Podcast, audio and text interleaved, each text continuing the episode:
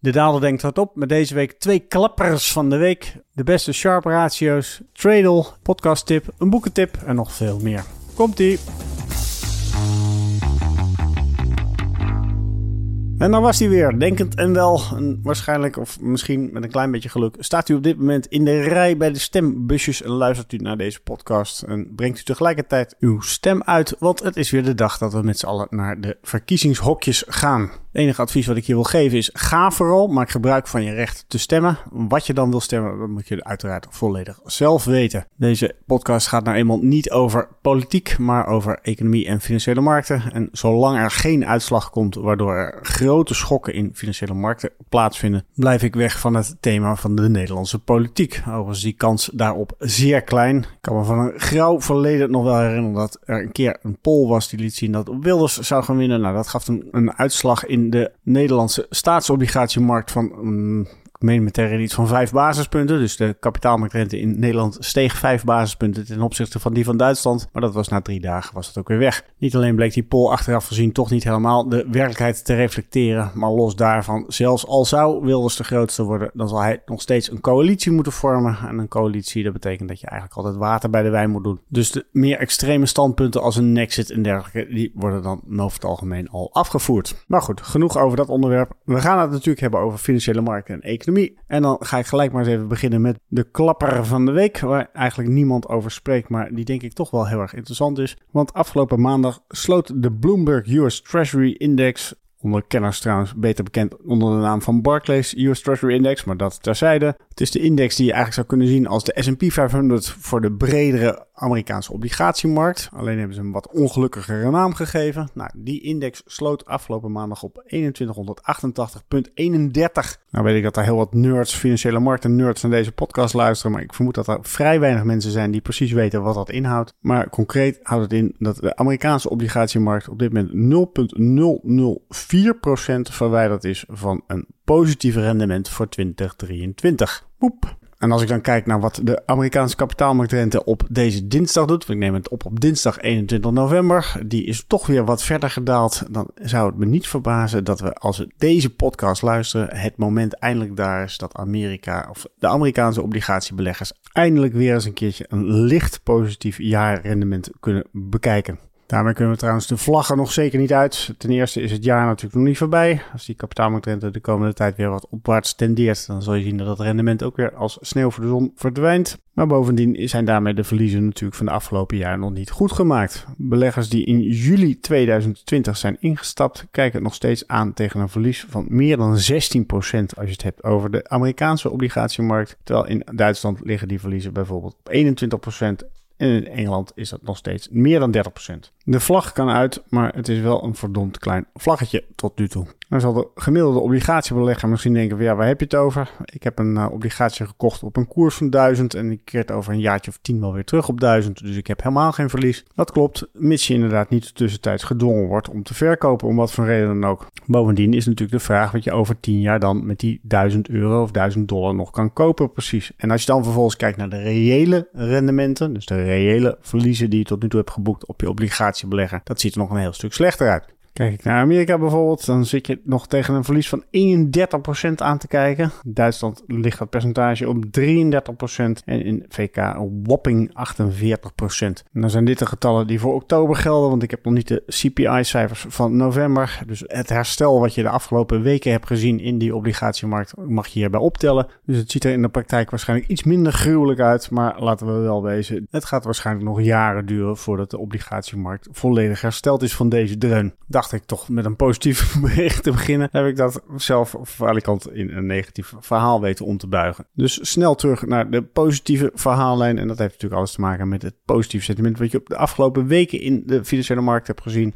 27 oktober tot 27 oktober was het niks dan mineur. Maakten we ons zorgen over de gestegen kapitaalmarktrente. Hadden we het over slechte guidance van de bedrijfsresultaten. Maakten mensen zich zorgen over inflatie. En op een of andere manier op maandag 30 oktober ging de knop om. In eerste instantie leek er niet echt een goed verhaal te zijn bij dat herstel. Maar gaandeweg kwamen er steeds meer argumenten bij die ook inderdaad wel echt een beetje body gaven aan de rally die we vervolgens in financiële markten zagen. Denk hierbij aan het wegvallen van de risico's over de herfinanciering van het Amerikaanse overheidstekort Yellen was een stuk vriendelijker in haar herfinancieringsboodschap dan mensen op voorhand gevreesd hadden. Daarnaast zagen we macrocijfers die inderdaad ook wel echt de beurs hielpen zwakkere Amerikaanse groeicijfers. Een meevallend inflatierapport, dat was vorige week dinsdag. Met als gevolg dat je nu opeens ziet dat de hele markt weer aan het speculeren is wanneer nou precies die eerste renteverlaging alweer gaat komen. Nou, dat had natuurlijk consequenties voor de Amerikaanse kapitaalmarktrente, die van 5% naar 4,4% daalde. De reden waarom het beleggingsresultaat voor de Amerikaanse obligatiemarkt op dit moment precies rond dat break-even punt handelt. Maar dat gaf natuurlijk ook heel veel lucht aan met name de aandelenmarkten. Als ik kijk naar de koersuitslagen vanaf 27 oktober, dus dat was het dieptepunt wat we even hebben neergezet naar de slotstanden van gisteren. En dat is natuurlijk allemaal op basis van de MSCI-data. Dan zie ik dat de MSCI IT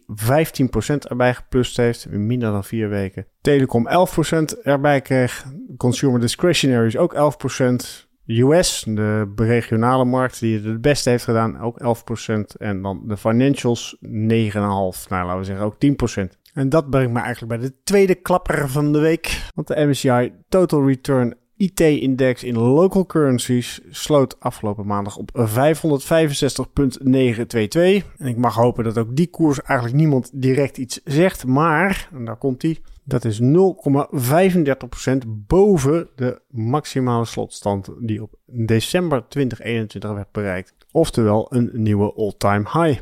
En daarmee is de IT-sector wederom de ongekroonde koning van het peloton. Want ja, ze gingen weliswaar harder naar beneden dan de rest. De IT-sector verloor 35% van de top vanaf december 2020. Maar heeft dat verlies inmiddels alweer helemaal goed gemaakt. Industrials is de volgende sector die in de buurt komt. Dus nummer 2. Die heeft nog 3% te gaan om een nieuwe all-time high op de borden neer te zetten. En mocht u nou denken, ja, maar energie dan. Energie heeft het toch zo goed gedaan de afgelopen tijd. Dat klopt. Maar ja, die had ook wel heel wat goed te maken. Want de energiesector heeft in de 10 jaar daarvoor het heel slecht gedaan. Sterker nog, de top die in 2014 werd neergezet is nog steeds niet uitgenomen. En ik kijk hierbij naar total returns. Dus ik neem dividend mee. Dus het is niet zo dat ik naar prijzen kijk en daardoor een valse vergelijking maak de verschillende sectoren.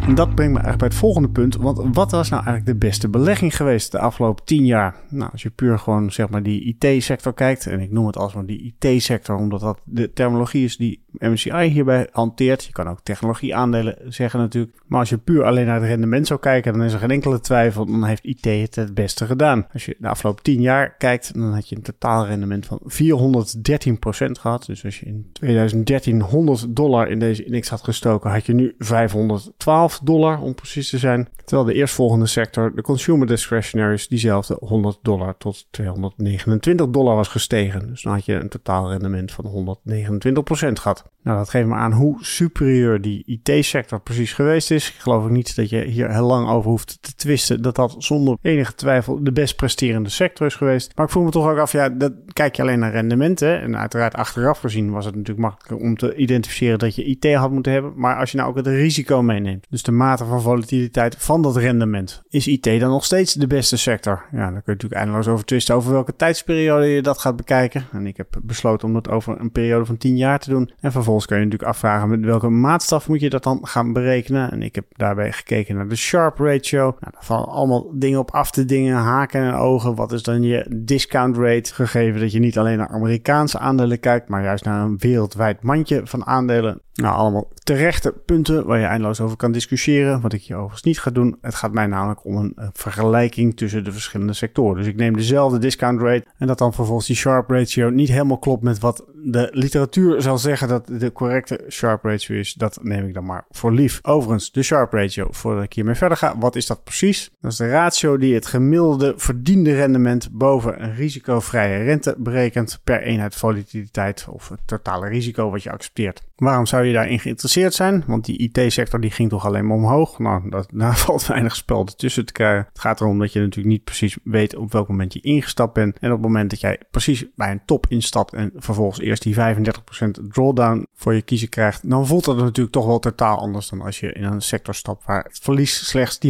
is. En als je het helemaal plat slaat, stel je hebt een beleggingscategorie die nauwelijks volatiel is, maar die wel een mooi rendement biedt, nou, dan valt er wat voor te zeggen om via leverage veel meer exposure naar die sector op te bouwen of naar die assetcategorie op te bouwen dan naar die hele volatiele. Dit ligt bijvoorbeeld ook ten grondslag aan de zogenaamde risk parity handelsstrategieën, waar ik hier overigens voor de rest niet op inga. Nou, als ik mijn Sharp ratio zo bereken op basis van de MSCI Total Return Indices, allemaal in lokale valuta weer, en ik kijk dan naar de best presterende, dan is inderdaad de IT-sector, ondanks de volatiliteit in die sector, zonder enige twijfel de beste geweest. Ik heb een Sharp ratio van 0,86 die gunstig afsteekt tegen 0,48 voor de totale MSCI All Countries Index voor die periode. Overigens is deze conclusie wel sterk afhankelijk van de gekozen periode. De afgelopen tien jaar heb je een relatief gunstig verloop gezien van de IT-sector. Met ja, weliswaar hier en daar volatiliteit. Maar ja, dat is de volatiliteit die je ook elders in de markt zag. Denk aan de brede index. Denk aan maart 2020, toen alle aandelen opeens hard naar beneden gingen. Als ik die historie wat verder terugtrek, dus echt sinds de start van de data die ik heb, dan zie je dat de Sharp ratio niet de hoogste is voor IT. En dat heeft natuurlijk alles te maken met het feit dat je in de periode 2000, 2003 een hele sterke correctie in die IT-sector hebt gehad. Beter bekend onder de naam van de dotcom-bubbel. Interessanter vind ik dan vervolgens de vraag wat dan de volgende sector is die het goed heeft gedaan. En dat is toch wel, wat mij betreft, een enigszins opmerken uitschieter. Dat is de healthcare sector. Die heeft een sharp ratio van 0,61. Dus inderdaad iets lager dan die 0,86 van de IT-sector, maar nog steeds een zeer respectabel getal. Zeker je het afzet tegen die 0,48 voor de totale MSCI All Countries Index. Sterker nog, die MSCI Healthcare die doet het eigenlijk relatief goed. Zeker als je die bredere historie, dus die langere historie erbij pakt, zie je dat het de ene hoogste scorende sector is. De winnaar op dat tijdsvlak is trouwens de consumer staples sector. Wat op zich natuurlijk niet een hele vreemde is. Aangezien je altijd zal zien dat mensen moeten blijven eten, kan je ook verwachten dat de volatiliteit in die index relatief lager zal liggen dan de bredere markt. En dat zie je ook wel terug in de afgelopen 10 jaar. Zowel staples als consumer discretionaries, dus dat zijn de luxe goederen, die scoren eigenlijk alle twee nog relatief meer of hoger dan de index. Die zit alle twee op een sharp ratio van 0,5 3% ongeveer. Mocht u dus een belegger zijn die niet altijd op zoek is naar de mooiste bloemetjes langs de randen van de afgrond, maar ook inderdaad wat meer stabiliteit en zekerheid wil hebben, dan valt er wat voor te zeggen om inderdaad wat meer te allokeren richting healthcare en consumer staples. Was het maar zo simpel, zeg ik er gelijk bij, want dit zijn natuurlijk alleen maar getallen van het verleden. We weten natuurlijk absoluut niet wat de toekomst gaat brengen. En dat is natuurlijk het grote probleem. Uiteraard, als je de afgelopen 10 jaar kijkt, heeft IT superieure resultaten laten zien. Maar of dat nou een teken is van de onderliggende kracht van die sector, of dat dat eigenlijk gewoon puur een waarderingseffect is, dus die aandelen zijn alleen maar duurder geworden, dat moet natuurlijk achteraf pas blijken. Ik kan me zo voorstellen dat in de opbouw naar een zeepbel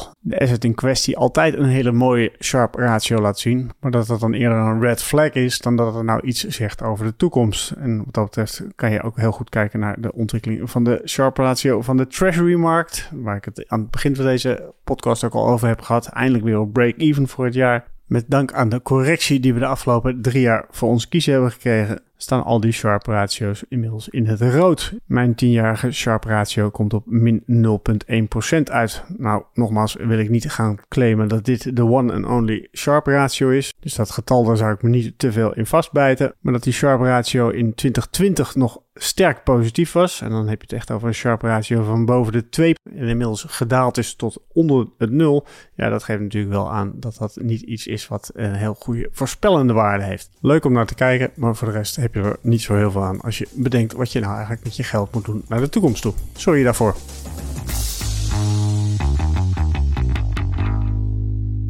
Kom ik bij de rubriek Kijk- en luistertips. Nou, kijken, ik geef eigenlijk nooit echt kijktips. Eigenlijk alleen maar luistertips. En soms ook een boek. En dat is wat ik deze week dan inderdaad maar doe. Ik heb de afgelopen weken de nodige tijd kwijtgeraakt naar het luisteren van het luisterboek The Fund van Rob Copeland. Dat is een boek wat heel veel stof heeft doen opwaaien. Want dat gaat natuurlijk over Bridgewater, het grootste hedgefund van de wereld. En de subtitel luidt Ray Dalio, Bridgewater Associates and the Unraveling of a Wall Street Legend. Nou, dat zegt denk ik al genoeg. En inderdaad, als je het boek hoort of luistert of leest, dat kan natuurlijk ook nog steeds, dan word je er niet vrolijk van. Mocht je denken dat dit over het beleggingsbeleid en het succes van Bridgewater gaat, nou, dan kom je bedrogen uit. Ik vermoed dat ongeveer 20% van het boek over die kant van de zaak gaat. Het grootste gedeelte gaat eigenlijk over The Principles. Het handboek wat Ray Dalio in zijn leven heeft opgebouwd. Ja, zeg maar de levenswijsheden die hij geleerd heeft gaandeweg. En die hem tot een niet alleen een goede belegger, maar ook een hele goede manager hebben gemaakt. En dan moet je denken aan regels als embrace tough love, own your outcomes, have clear goals, identify and don't tolerate problems. Nou, het probleem van zo'n boek als dit, dat het toch altijd een beetje he said, she said wordt. In dit geval he said, he said, want uh, ze zijn alle twee mannelijk en hebben wat dat betreft alle twee een eigen mening die alle twee haaks op elkaar staat. En als buitenstaander kan je natuurlijk vrij moeilijk vaststellen welk van de twee nou het gelijk aan zijn zijde heeft. Maar laat ik het zo zeggen, zelfs als slechts 10% van dat boek van Copeland waar is, ja, dan denk ik toch dat je moet concluderen dat dat met het managementstijl van Ray Dalio toch wel het een en ander mis is. Nou moet ik gelijk toegeven dat ik de principles van Ray Dalio zelf nooit gelezen heb. Dus ik ben een beetje een soort stuurman die aan de wal staat en commentaar levert. Maar dat neemt niet weg dat de aantal keren dat ik hem uitspraken heb zien doen over de markt en over wat er nou eigenlijk op ons af zou komen. En met name ook inderdaad het doemdenken, wat je toch wel heel vaak bij hem terugzag. Dus elke keer was er weer een crisis en we zouden naar een grote depressie gaan, een nog grotere depressie, nog grotere depressie. Ja, het aantal keren dat het uitgekomen is, is natuurlijk op nul handen te tellen. Dus dat ik nou heel erg gecharmeerd ben van het marktcommentaar van Ray Dalio, dat gaat zeker te ver. Maar goed, per saldo zeker luisterenswaardig. Zij het een beetje te veel in de hoek van roddel en achterklap. Maar goed, om de zoveel tijd hebben mensen daar ook behoefte aan. En dan ga ik naar de meer neutrale luistertip. En dat is die van Slate Money, How Salt Built America. Hierbij wordt de auteur van het boek Material World aan het woord gelaten. Die eigenlijk gekeken heeft naar zes grote grondstoffen en hoe belangrijk die zijn voor de wereldeconomie of de economie in het algemeen. En dan moet je denken aan vrij ordinaire grondstoffen zoals zand, zout,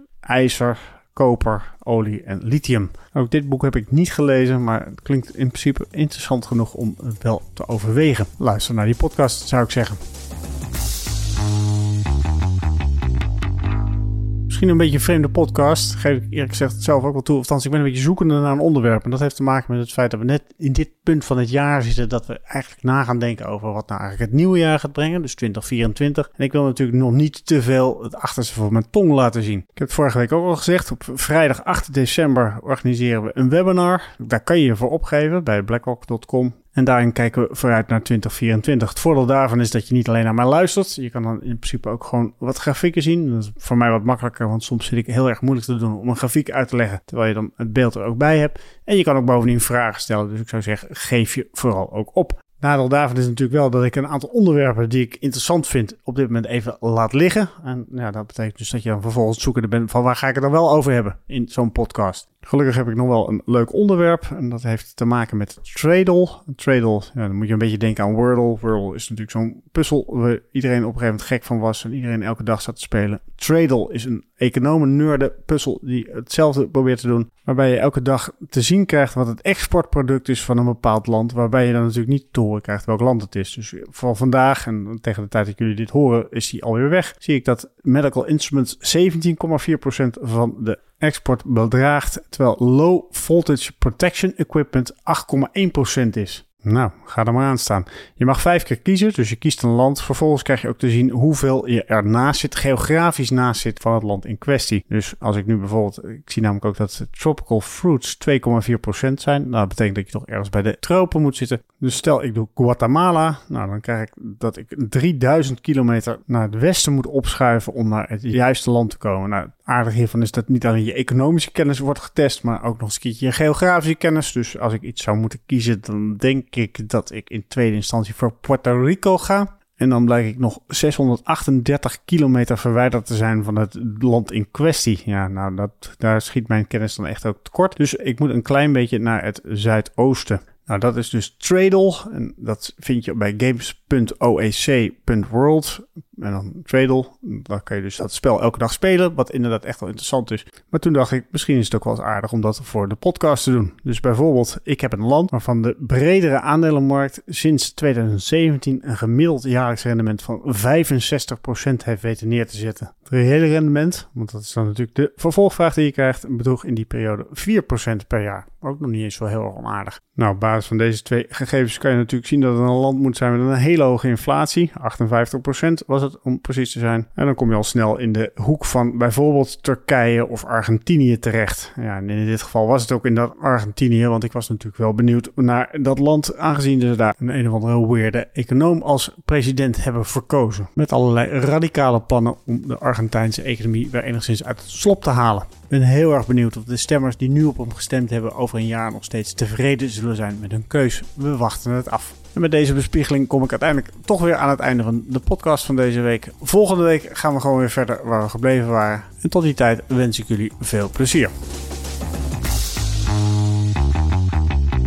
Risicowaarschuwingen. Beleggingsrisico. De waarde van beleggingen en de opgebrachte inkomsten kunnen variëren. Het is niet zeker dat u uw oorspronkelijke inleg terug ontvangt. Dit is een marketinguiting. In het verleden behaalde resultaten geven geen betrouwbare indicatie van het huidige of toekomstige rendement en dienen niet als enige criterium te worden genomen bij de selectie van een product of strategie. Veranderingen in de wisselkoersen van valuta's kunnen ertoe leiden dat de waarde van beleggingen stijgt of daalt. Deze schommelingen kunnen bijzonder sterk zijn bij een fonds dat blootstaat aan een hogere volatiliteit en de waarde van een belegging kan plotseling en zeer sterk dalen. De fiscale regelgeving waaraan beleggingen onderworpen zijn en de hoogte van de belasting kunnen in de loop der tijd wijzigen. BlackRock kan op elk moment besluiten een fonds niet langer aan te bieden. Belangrijke informatie. Deze podcast is alleen bestemd voor professionele beleggers volgens de MIFID-richtlijn. Andere personen dienen niet op de hier geboden informatie te vertrouwen.